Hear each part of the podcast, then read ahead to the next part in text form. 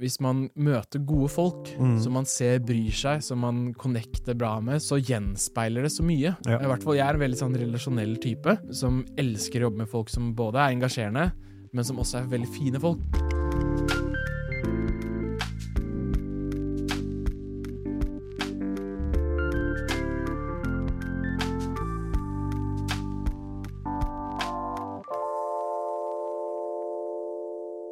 Velkommen alle sammen til en ny episode av eh, Fotopodden. I dag skal vi snakke om innholdsproduksjon. Det å være innholdsprodusent, en digital innholdsprodusent.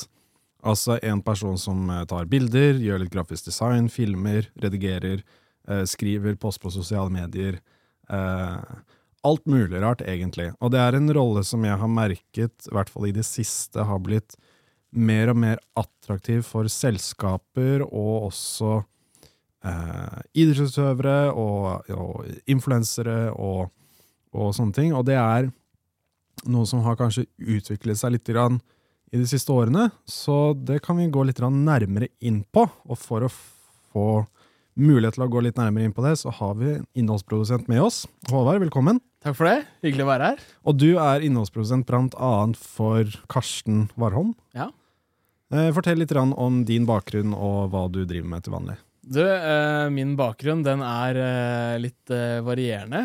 Har gjort veldig mye. Ja. Som du også sa i innledningen, så er nok det å være en innholdsprodusent innebærer nok å ta på seg veldig mange hatter på en Ja. gang.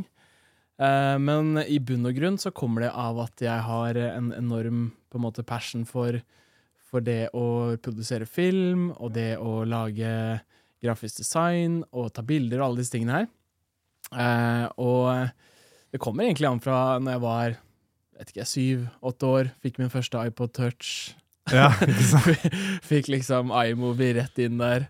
De husker jeg. Ja, ja, mamma hadde fått Mac, og jeg fløy rundt og filma med at jeg åpna Mac-en, snudde den og filma med frontkamera. Ja, ikke ja. sant? Eh, og så har det bare blitt mer og mer etter det, da. Mm. Eh, og de senere åra så startet et lite produksjonsselskap med en kompis, og så ble det mer jobb etter hvert, og etter videregående så ble det fulltidsjobb, da. Husker du når det kom til det punktet, vi kan gå litt videre på det, husker du når det kom til det punktet hvor du, hvor du skjønte at du kunne få betalt for å gjøre det? Så det går jo fra hobby til, det, mange, det begynner med hobby alltid, Ja, ja. og så kommer det til det punktet hvor noen faktisk gir deg tusenlapp da, for å gjøre et eller annet, og du bare, oi, ok, jeg kan få betalt for dette her. Jeg tror det har skjedd ganske gradvis. Eh, jeg tror nok eh, i starten var det litt sånn som du sier da, oi, kan man få betalt Mhm. for dette? Dette er bedre enn å gjøre rydde rommet hjemme, på en måte. Ja, Jobb i kassa. Jobbe i kassa. Men, eh, men jeg, har nok, jeg er nok ganske sånn ydmyk av person selv. Så jeg har alltid vært litt sånn der, vil ikke være til bry. Mm. Så det har nok vært en gradvis reise om å klare også å ta betalt for ting. Ja.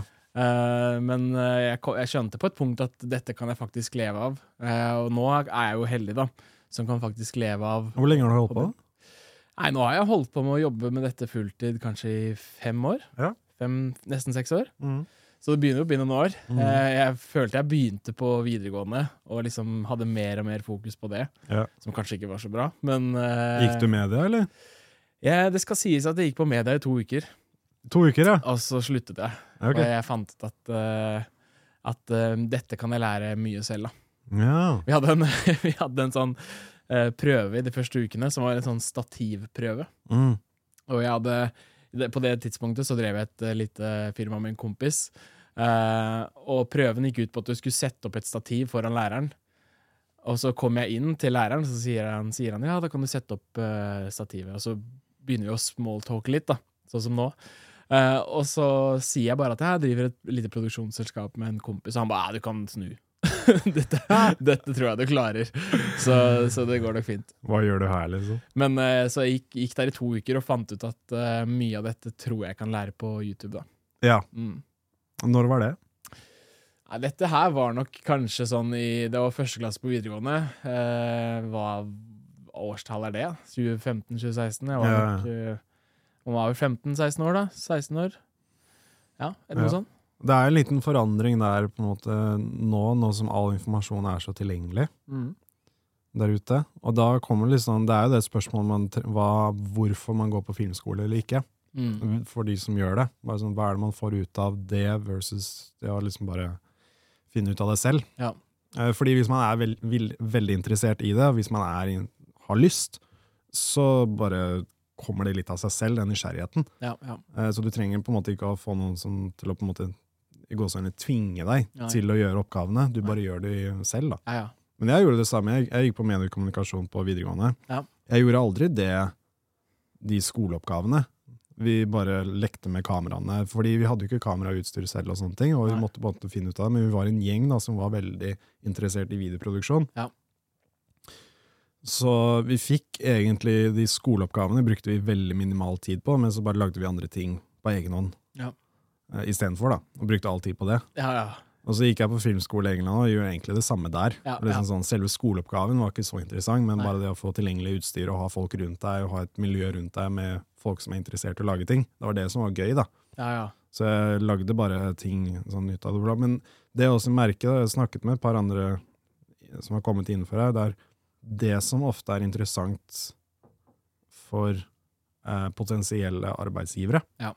er på en måte det du har laget på sida. Ja, ja det, er- det blir jo som du sier, at du Man lar kanskje skoleoppgavene litt til side, men jeg tror jo innafor den bransjen her så handler vel cirka alt om erfaring, da. Eh, I hvert fall jeg var et eh, Jeg var i en liten sånn jobbskifteprosess da, tidligere i sommer og tidlig høst. Eh, skulle egentlig studere, eh, og var liksom klar for det. Og liksom det var det jo hodet mitt var innstilt på, at nå, nå skal det studeres i noen år. Eh, noe helt annet. Ja. Altså, skulle gå ledelse på BI, type. Um, ja, men jeg, jeg på en måte var litt klar for det. Og så kom jeg på et intervju, og så sier jeg listen sånn at uh, vet du hva, jeg skal egentlig studere, uh, så hvorfor skal jeg egentlig begynne å jobbe her? Mm. Og, og så snakket vi litt fram og tilbake, og så um, kommer det jo frem at det er mest attraktivt med folk som har erfaringen du har. Ja. Eh, og da var jeg litt sånn at ok, hvis jeg skal velge dette framfor å studere, noe jeg syns er veldig bra, og det å ta utdanning og studere, og noe jeg kommer til å gjøre Mm. på et eller annet punkt um, Men det å bygge seg opp en arbeidserfaring fra ung alder, da, Ja. eh, er jo enormt viktig, i hvert fall i denne bransjen, tror jeg. Fordi den beste læringa kommer av det du gjør. Mm. Eh, og det blir litt som du sier på filmskole. Så du får en oppgaveramme, men jeg tror også mye av hensikten er at du skal prøve. Ja. Og mye av hensikten er at du skal finne ut din vei. Ja. Fordi at uh, filmteori er én ting, men filmpraksis er en helt annen ting. da. Og det var det de fortalte oss også, at du, det er sånn, den 9-5-en dere har her, Mm. det er, det er ikke alt dere skal gjøre. Nei. Det er på en måte det minimumet. Ja. Og så må dere lage ting på egen hånd også. Nå har dere tre år disponibelt Ja. til å gjøre egentlig hva dere vil, Ja. og fokusere kun på denne tingen her, og finne ut om det er noe dere har lyst til å drive med Ja. videre. Så bare utnytt den tida så mye som mulig. Ja.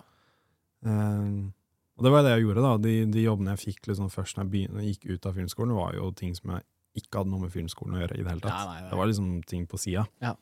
Så um, Nei, det er interessant. det du sier. Det handler mer om erfaring, absolutt.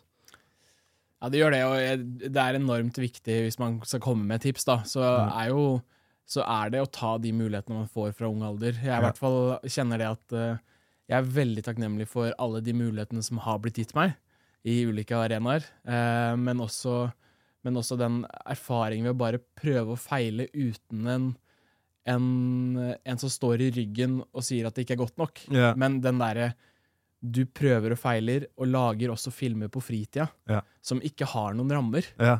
Som bare er eh, bare ditt kreative ego som skal få stimuli. Da. Ja. Eh, jeg tror det er enormt viktig å, å også huske på de tingene. I hvert fall når jeg jobber nå, da, så er det, ok, det, er, det er veldig mange prosjekter som er pågående. Eh, og så er jeg kanskje litt for mye ja-menneske av og til, som, som krever sitt. Men jeg må også huske på å si nei, fordi at jeg er nødt til å lage rom Mm. for å finne den kreativiteten som jeg ønsker å ha på prosjektene mine. Da. Eh, spesielt eh, på en måte kanskje i film, da. Så, så blir jeg inspirert av mye. Mm.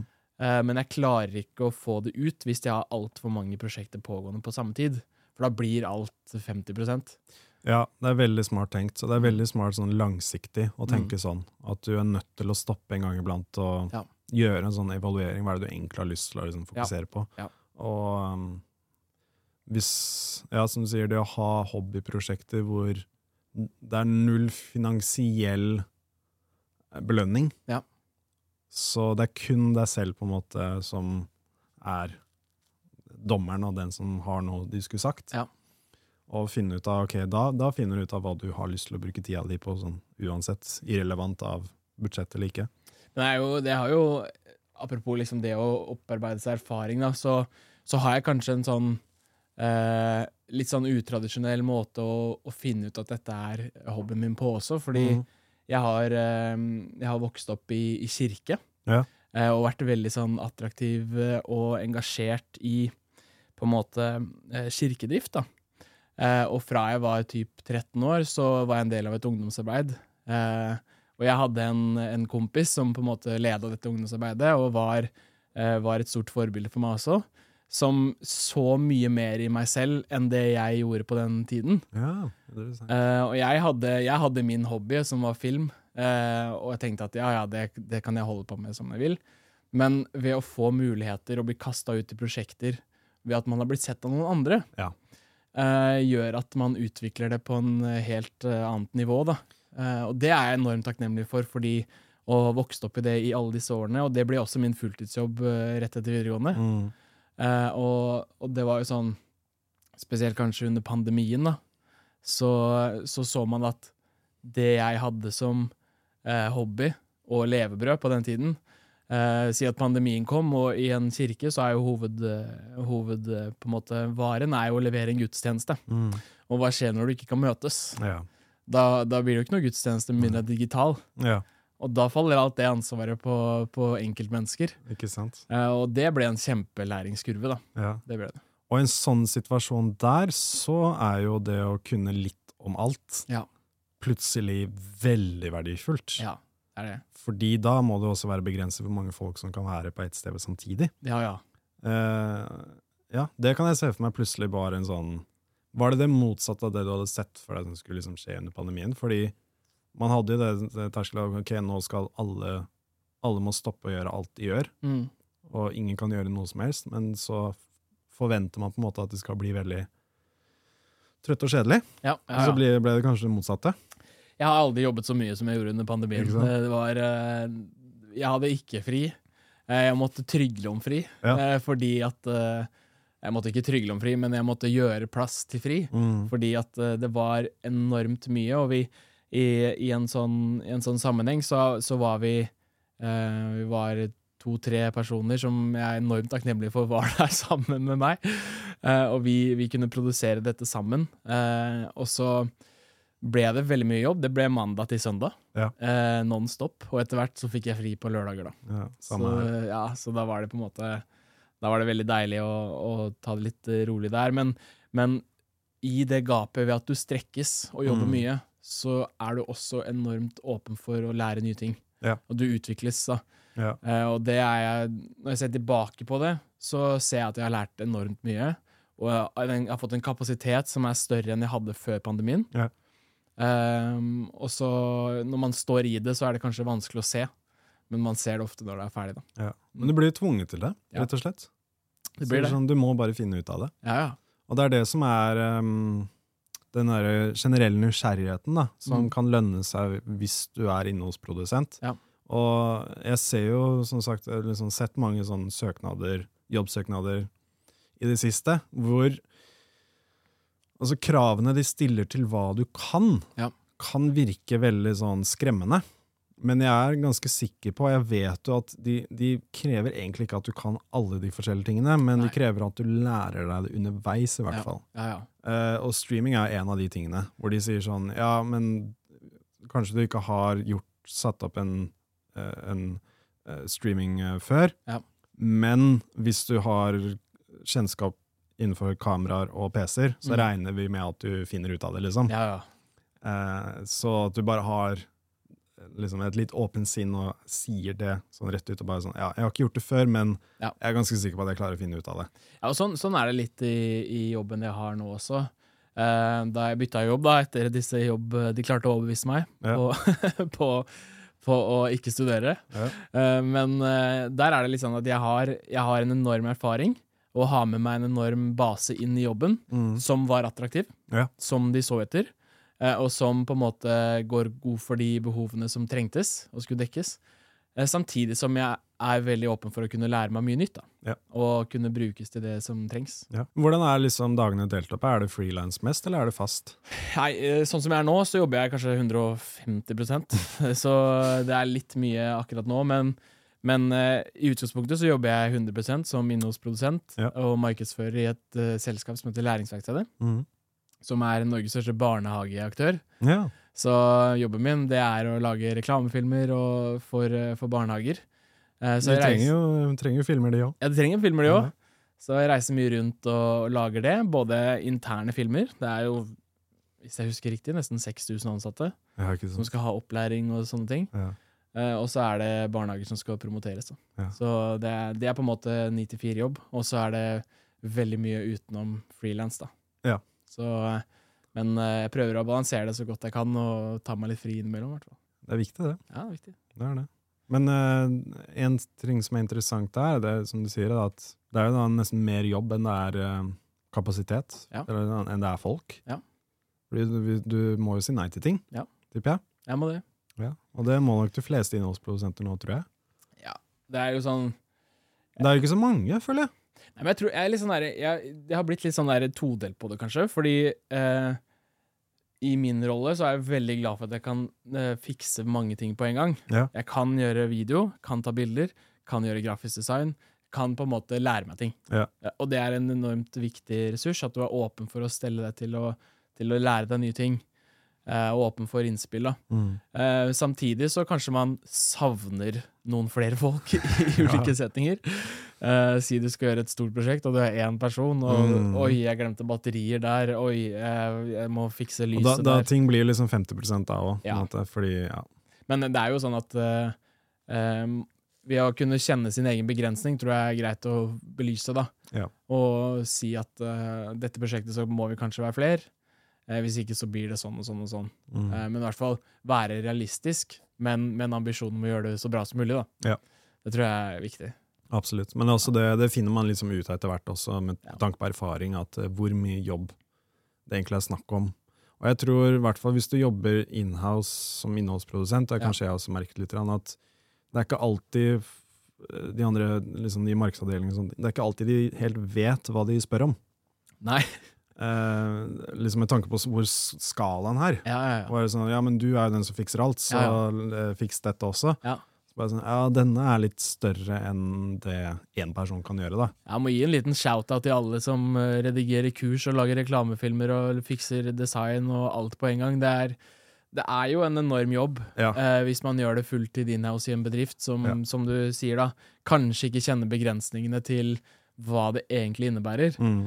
Eh, så en eh, stor shout-out til alle disse Ja. som jobber med den jobben. Det er, eh, det er, eh, det er varierende hverdager, eh, men samtidig så, så blir du strekt mot det. Og så jeg tror jeg det viktigste er å kunne ha god kommunikasjon da, Ja.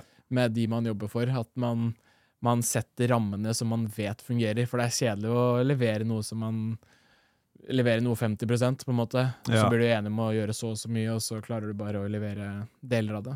Så, Jeg merker også det at hvis man jobber fulltid, så kan man ha en tendens til å gjøre det også, fordi du er jo konstant i en eller annen form for produksjon. Ja. Hvis du jobber frilans, så har du kanskje litt mer variert, litt, sånn, Ja. litt mer opp og ned. da. Ja. At uh, du finner inspirasjon når du ikke har jobber som kommer inn, Ja. og da på en måte blir litt mer sånn eh, Du blir ikke lei, rett og slett, Mm. eh, like fort. Jeg har jobba fulltid nesten i ti år med produksjon, så det er noen tider hvor jeg bare sånn her, eh, det er én etter en annen, og det er sånn det går sånn plankekjøring, på en måte. Liksom du, autofokus. Liksom du bare setter deg inn i det, og så gjør du det du gjorde for et halvt år siden. Ja, og der, der, liksom, der kommer det punktet til at på ett punkt så tror jeg man blir så komfortabel at Ja. man gjør det. Ja. Uh, men er det bra for utviklingen? Nei. Fordi uh, jeg, har, jeg har tenkt mye på det, at, som vi snakket om i stad, at man må sette grenser for, for sin, egen, uh, sin egen kreativitet. Da. Jeg har ofte dager jeg bare må starte dagen, eller kanskje hele dager. Jeg bare må sitte på, på mobilen eller Ja. på YouTube og bare få inspirasjon. Ja. Fordi at jeg er nødt til å få den der gnisten til å skjønne hvorfor jeg gjør det jeg gjør. Mm. Sånn som i helgen, da. Så blant annet så sitter jeg på Instagram. Typisk. Har, eh, mappene mine er stappfulle på Instagram av inspirasjon. da. Har på en måte kategorisert det i det prosjektet, det prosjektet. Ja, det kan funke der, det kan funke der. Og så hører jeg bare en sound, og tenker bare Wow, for en sound! Tenk deg alt jeg kan gjøre med denne lyden her. Yeah. Man blir så inspirert da, i øyeblikket. Og jeg kjenner at oi, nå begynner den kreative prosessen med at hva kan jeg lage med denne sounden? Jeg har Mm. ingen prosjekter som jeg skal gjøre dette med som er avtalt, eller noen ting. men jeg gjør rom for å kunne eh, drømme meg bort i en lyd, da, Mm. eller i en video, som får i gang kreativiteten igjen. da. Ja. Og det, det er en viktig, da, å la liksom noen øyeblikk bare sette av tid til å finne ut uh, det man blir inspirert av. tror jeg.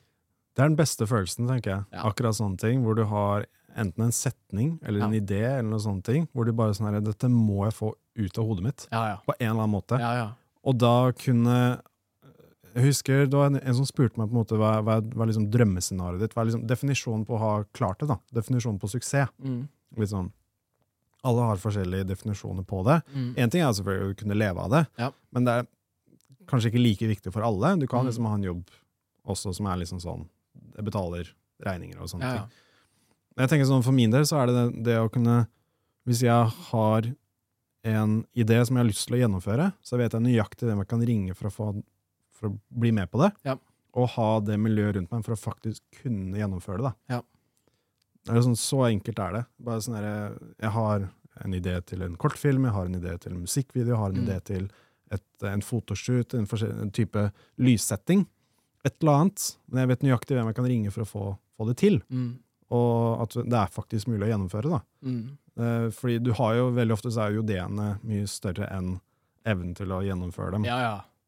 Men at det ikke nødvendigvis trenger å være et så stort kompromiss. da. Nei, og det der å beholde lekenheten, da, i at ja, OK, det er viktig å ikke drepe tanken med en gang. For hvis man sitter i noen kreative prosesser, da, Ja. så er det så sinnssykt lett. Og hvis du skal planlegge en film, da, og så begynner du å planlegge, og så kaster man ut ideer, og så er det en fra sida som sier sånn ja, ja, men eh, vi har ikke budsjett til dette. Da drepes jo all Ja. kreativ eh, tankegang fra å se hva man kan produsere.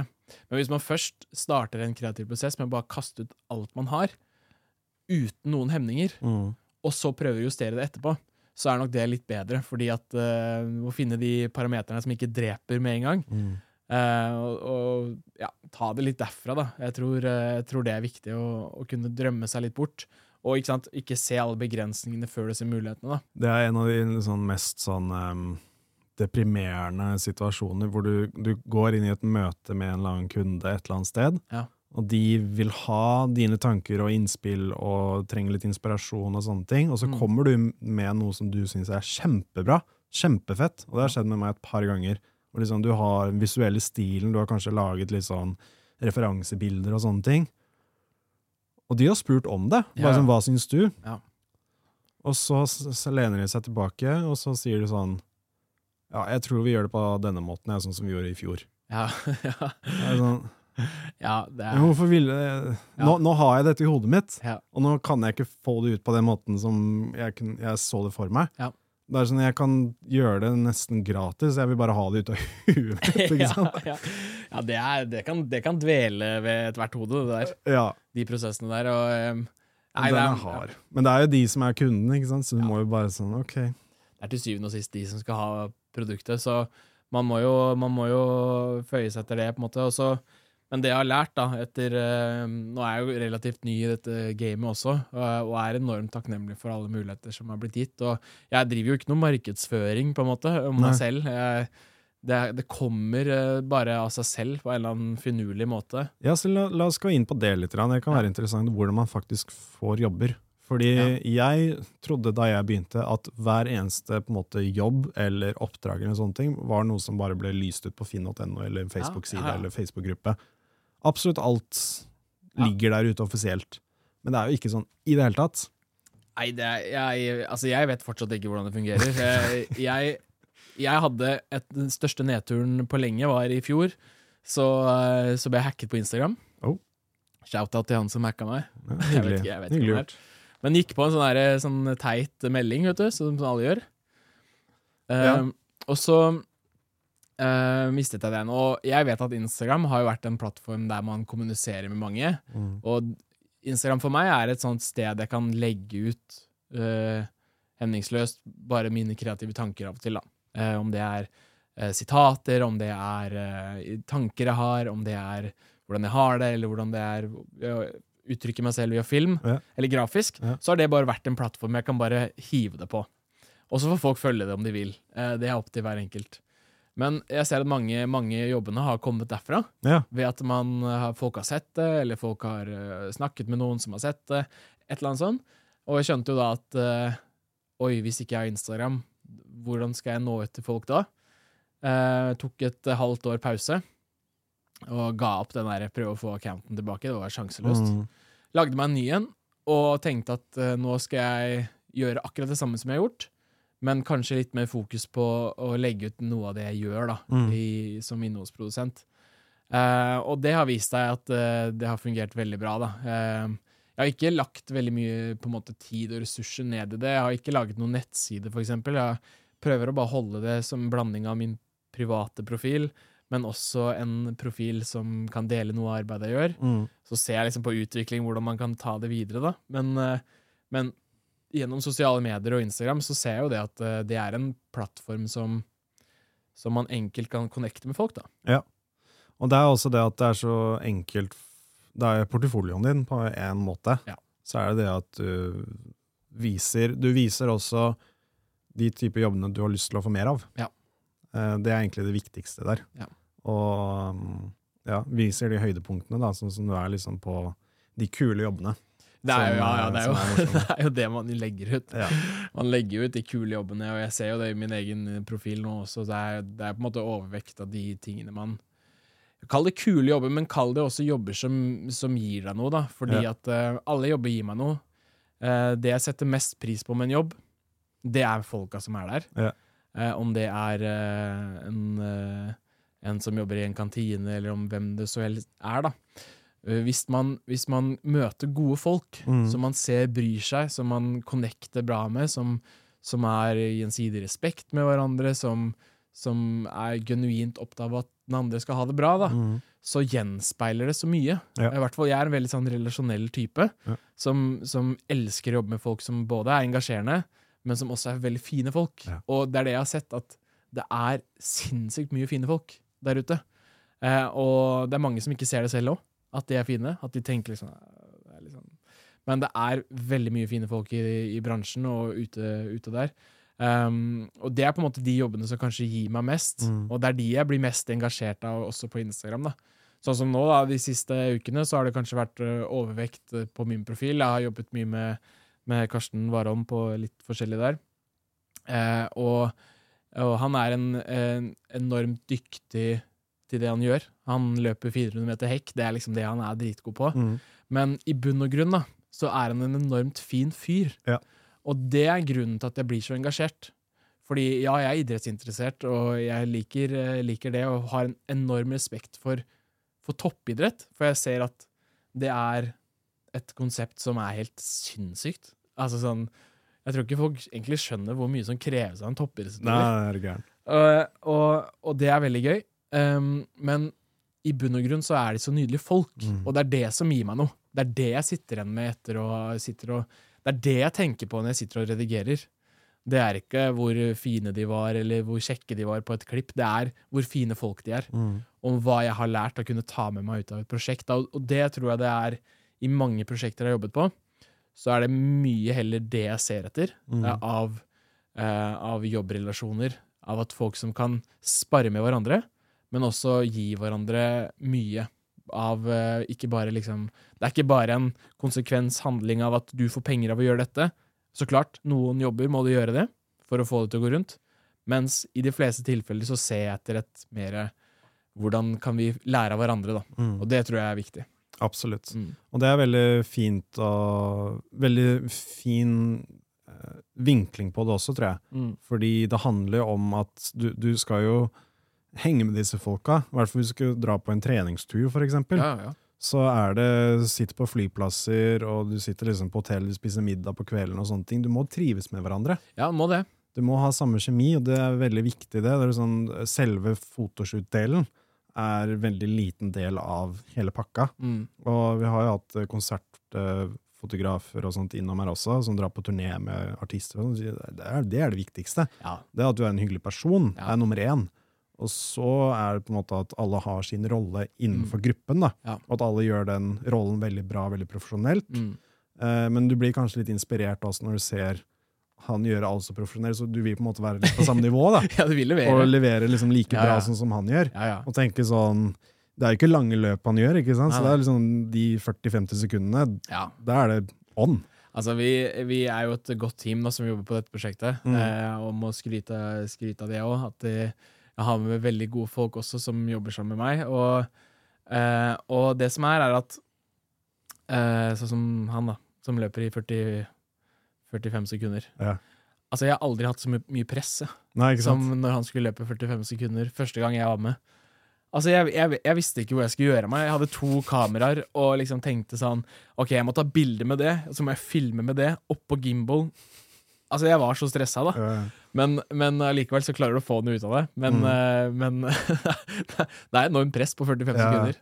Og det er sånn, han, han, gjør ikke, han gjør ikke det to ganger. Nei, nei, gjør, nei, nei, gjør ikke det to ganger. Det er, eh, sånn, sånn er det jo, men, eh, men man blir inspirert av, av det han gjør, og det alle andre gjør, og det teamet som jeg får lov til å være en del av, eh, gjør.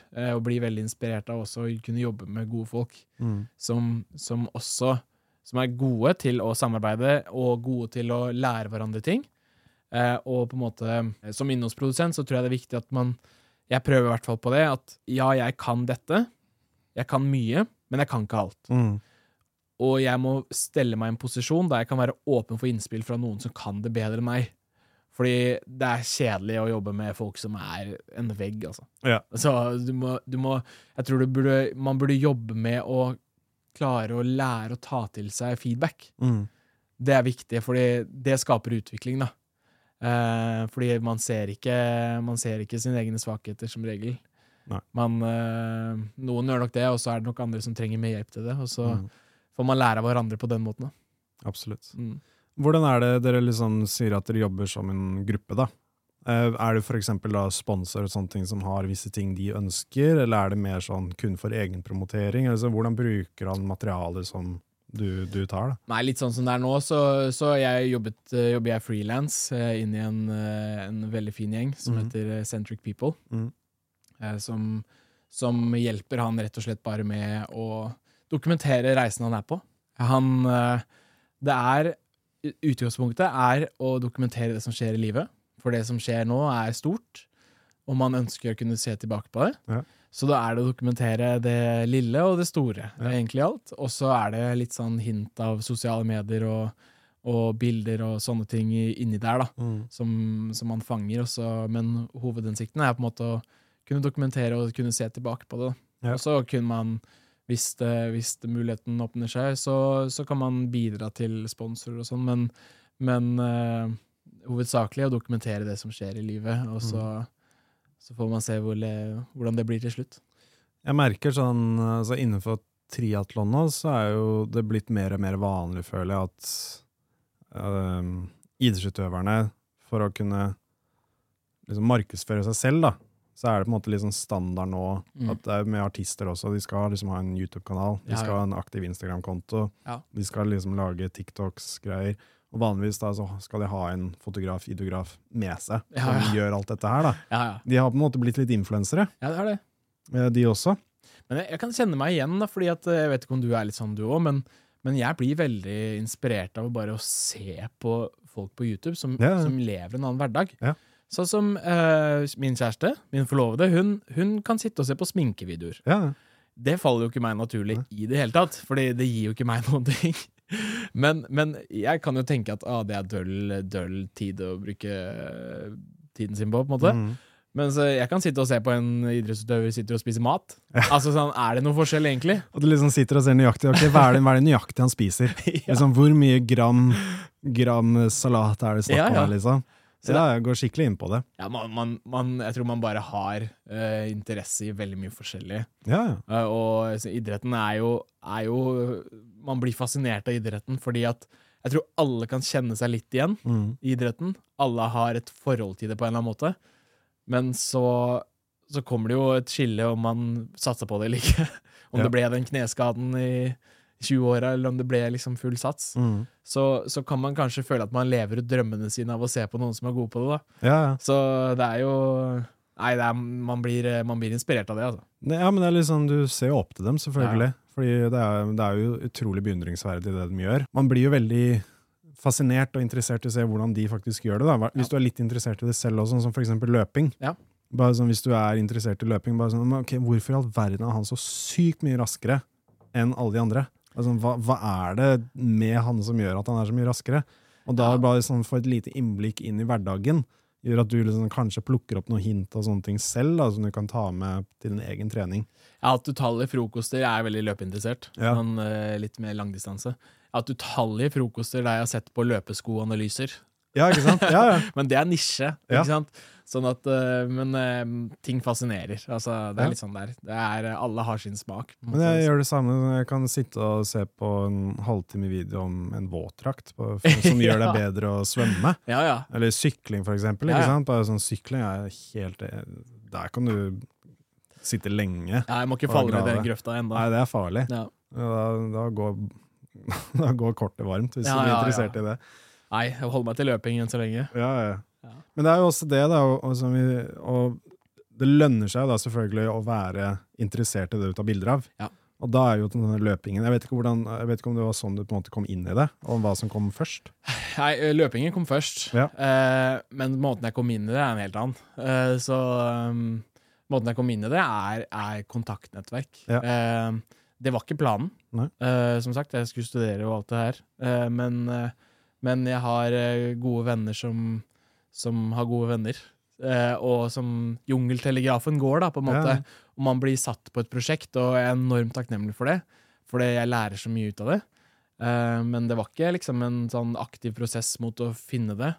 Eh, I andre prosjekter så er det kanskje det at man, man søker på en jobb. Man, eh, man går på en måte veien og stegene for å komme dit man ønsker. Eh, men jeg er veldig opptatt av at eh, de jeg jobber med, må jeg ha en god relasjon med. De må funke, for hvis Mm. ikke det funker, og hvis man må gå på kompromiss med hverandre hele tiden, så blir det vanskelig å få den kjemien til å funke. Da får man aldri det resultatet man trenger. Nei. Så det å finne gode folk er på en måte førstepri.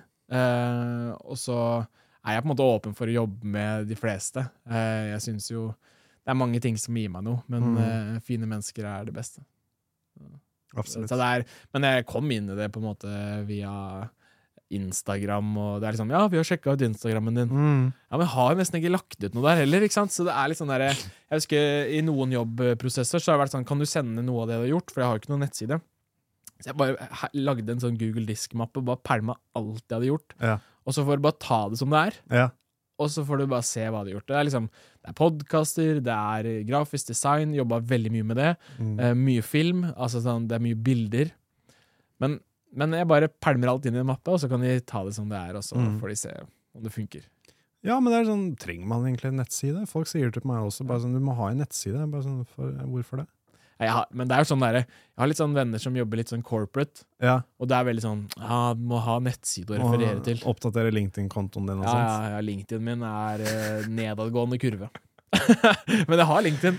Den har jeg ikke sjekka på flere år. Nei, jeg har. LinkedIn. Har LinkedIn. Jeg har ikke sjekka på flere år. Nei.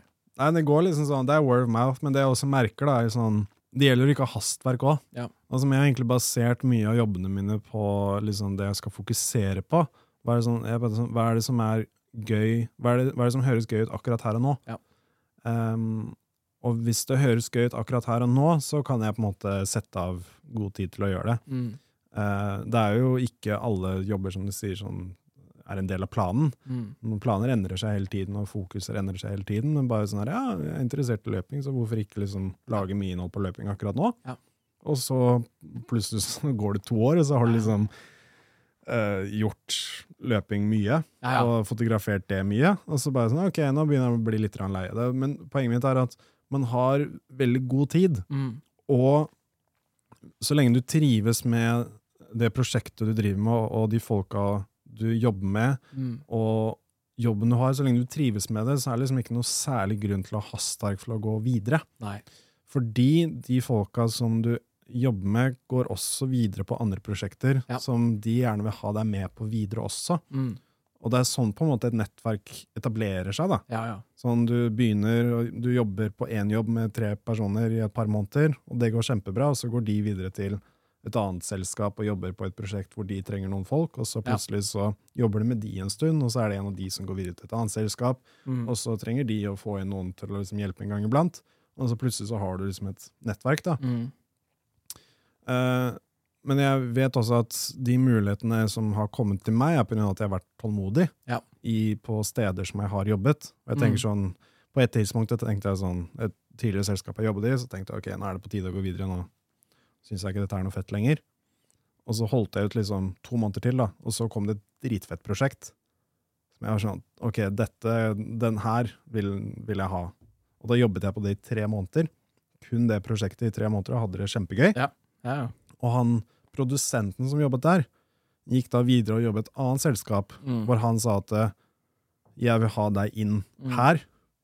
Og han ga meg altså en veldig hyggelig referanse når jeg søkte på jobb, denne jobben her. da. ja, ja, ja. Eh, og den muligheten her hadde jeg ikke fått hvis jeg hadde vært utålmodig og sluttet mye tidligere. Nei. Så det å også være litt tålmodig, i hvert fall når man liksom er i sånn 20-30-årene. Du skal holde på til du er pensjonist. ja Du det, har er, god tid. det er the long run. Så det er bare å ha det gøy med Ja. det, og så ta det med ro. Ja. Så lenge man jobber, så lenge man er produktiv, så lenge man gjør noe, Mm. så er du på riktig vei. Men det, er jo, det er jo enormt viktig, tror jeg, å bare Man må tenke litt lengre perspektiv. Ja. Ta det litt i den fasen man er i. Eh, men også det du sier, da, man, man bygger seg opp nettverk. Eh, jeg er veldig fan av å bare sende meldinger til mine forbilder på Instagram. Ja, du veit jo aldri. Jeg, jeg, Plutselig jeg, så sier de ja. jeg sender bare meldinger, og så sier jeg Vet du hva, jeg har sett, jeg har sett det du gjør. Jeg blir enormt inspirert av det. Ikke noe mer tanke på det, men bare sier at jeg følger med på det du gjør. Jeg syns det er enormt bra. Mm. Det gir meg enormt mye. Tusen takk. Ja. Jeg tror det er også viktig å verdsette de man, som Ja. er forbildene. Da, fordi at eh, jeg tror Når man står midt oppi noe, så er man, tenker man kanskje ikke at man er et eh, forbilde på noe. Da, men, men eh, det har i hvert fall vært viktig for meg å klare å uttrykke for mine forbilder at jeg setter så stor pris på det de gjør Mm. og legger ut. Og det er en kilde til, til stor inspirasjon for meg. da. Eh, det tror jeg man kan bli flinkere på. Ja. Bare liksom, vet du hva, jeg digger det du gjør. Eh, kanskje vi kan jobbe sammen en dag. Eh, hvem vet? Hvem vet hvor eh, veiene krysses? Det er overraskende hvor få som gjør det. Altså. Ja. Fordi, men det, er, det skal virkelig ikke mer til. Nei. Og så følger man hverandre på Instagram og følger hverandres reise. Ja. Og så, et par måneder nedover veien, så dukker det opp et prosjekt hvor de bare Vet hva, han der skal vi ha. Ja. Og så er det i gang. Ja, men det er, det er, jeg tror det er også viktig å sette pris på hverandre da, Ja, ja, absolutt. i, innafor bransjen. Ja, veldig. At Istedenfor at det skal være et sånt konkurransepreget ikke sant? Ehm, Det drives jo videre av at det er konkurranse. Ikke sant? Man skal jo man skal utvikle seg, man skal bli flinkere. Men jeg tror jo at hvis i bunn og grunn man heier på hverandre da, Mm. i bransjen også, så tror jeg man så tror jeg man kan skape kulere ting. Ja, absolutt. Altså fordi man, man gjør ting ved glede og ikke ved mismot. Da. Ja. Mm. Jeg syns det er veldig bra. Veldig fin avslutning. Mm. Veldig kloke ord på slutten der. Takk for det. Nå er kaffen kald. Nå er kaffen kald. Da er det på tide å runde av. Eh, tusen takk for at du kom innom. Veldig Og hyggelig. hvis folk vil finne deg på Instagram, så er det Havard.andré. yes, Veldig fett eh, Instagram-navn. Vi tar link i beskrivelsen, så folk kan trykke der. Herlig. Eh, takk for alle som har hørt på, takk for de som eh, ser på. Og så ses vi i neste episode.